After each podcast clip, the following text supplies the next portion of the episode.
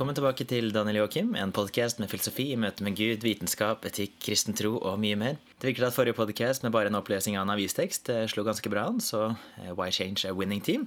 Så i dag så kommer det en ny avistekst men om et eh, litt annet tema, men som for så vidt fortsatt er relatert, nemlig menneskerettigheter.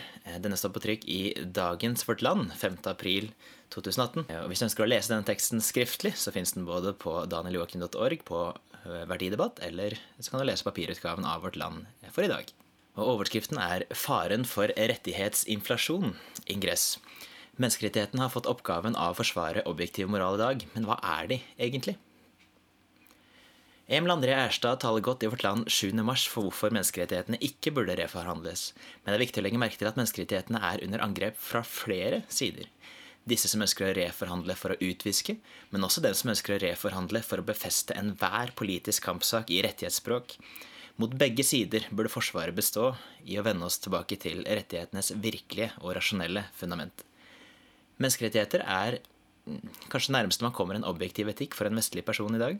De binder på tvers av livssyn og kulturell bakgrunn, selv om verken avsender eller mottak forstår grunnlaget for en enkelt rettighet, får vi stole på, og gjerne med god grunn, at det står autoritet bak som vi kan ha tiltro til. Filosofen Roger Scruton beskriver hvordan den vestlige sivilisasjonen bak menneskerettighetene kjennetegnes av noen grunnsteiner. Disse er det dobbelte kjærlighetsbud av å elske Gud og vår neste som oss selv, ikledd bønnen om å tilgi oss vår skyld slik også vi tilgir våre skyldnere. Den andre delen av fundamentet kommer fra naturretten.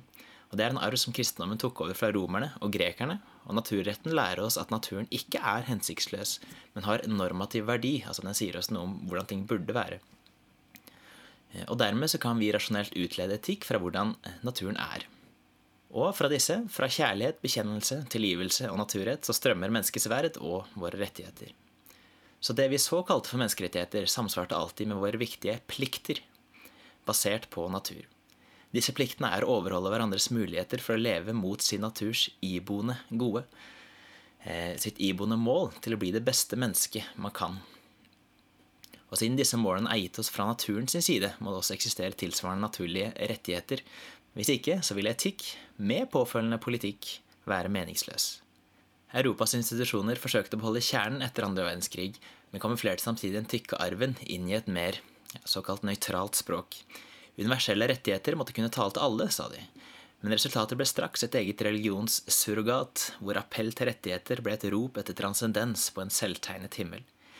Aktivistgrupper krever stadig mer kreative rettigheter, som en såkalt ja, rett til abort, eller en rett til å bli tatt livet av, en rett til internett, eller en rett til å bli tiltalt som et annet kjønn enn det, det du er fra naturen sin side. Det har gått så langt med at til og med enkelte bankmenn har gitt en appell etter sin menneskerett til å motta bonus. Men disse strømmer ikke fra det rasjonelle fenomentet som opprinnelig utgjorde rettigheter, og er ofte stikk i strid med dem. Alle rettigheter forutsetter eksempelvis retten til liv, så det å foreslå at det i prinsippet kan eksistere en rettighet til å ta uskyldige liv, være seg ufødte eller fødte, demonstrerer at rettighetene endelig er blitt fritt beite for de gruppene som har mest makt og de skarpeste albuene. For en menneskerett påberoper seg å være absolutt, selv når den kommer i konflikt med staten. Den kan i utgangspunktet bare inngå kompromiss mot andre rettigheter, og derfor er det nettopp så attraktivt å befeste kampsaken sin til en menneskerett, for den lukker åpne politiske debatter for rasjonell diskurs.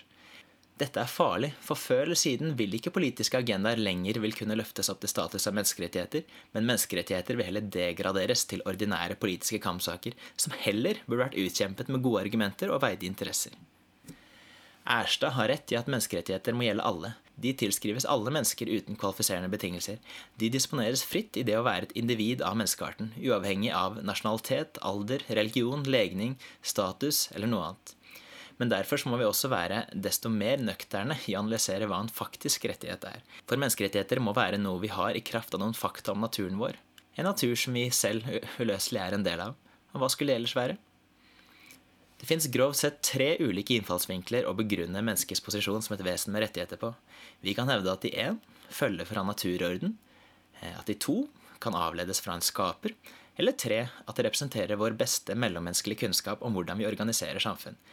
Historisk sett så har nok de to første vært dominerende, gjerne i fellesskap, det ene utelukker ikke det andre. Men sistnevnte, at dette bare er mellommenneskelig kunnskap, nok har mer gehør blant vestlige sekulære i dag. Den utgir seg som en form for konstruktivisme. Rettigheter er en konstruksjon, betyr jo ikke at de er effektive. Pengesedler har verdi, selv om verdien av papirlapper eller tall på en bankkonto er betinget av samfunnets konstruksjon. Men likevel er det uttrykket 'beste kunnskap' som avslører hvordan dette alternativet kommer til kort. For ord som 'beste' forutsetter en målestokk. Om beste kunnskap i uttrykket 'vår beste mellommenneskelige kunnskap om å organisere samfunn' bare hadde gjenspeilet tanker uten sammenheng med virkeligheten omkring oss, så ville det vært å ligne med ren fantasi. Vi må kunne begrunne for å gi påstander status som bedre eller verre.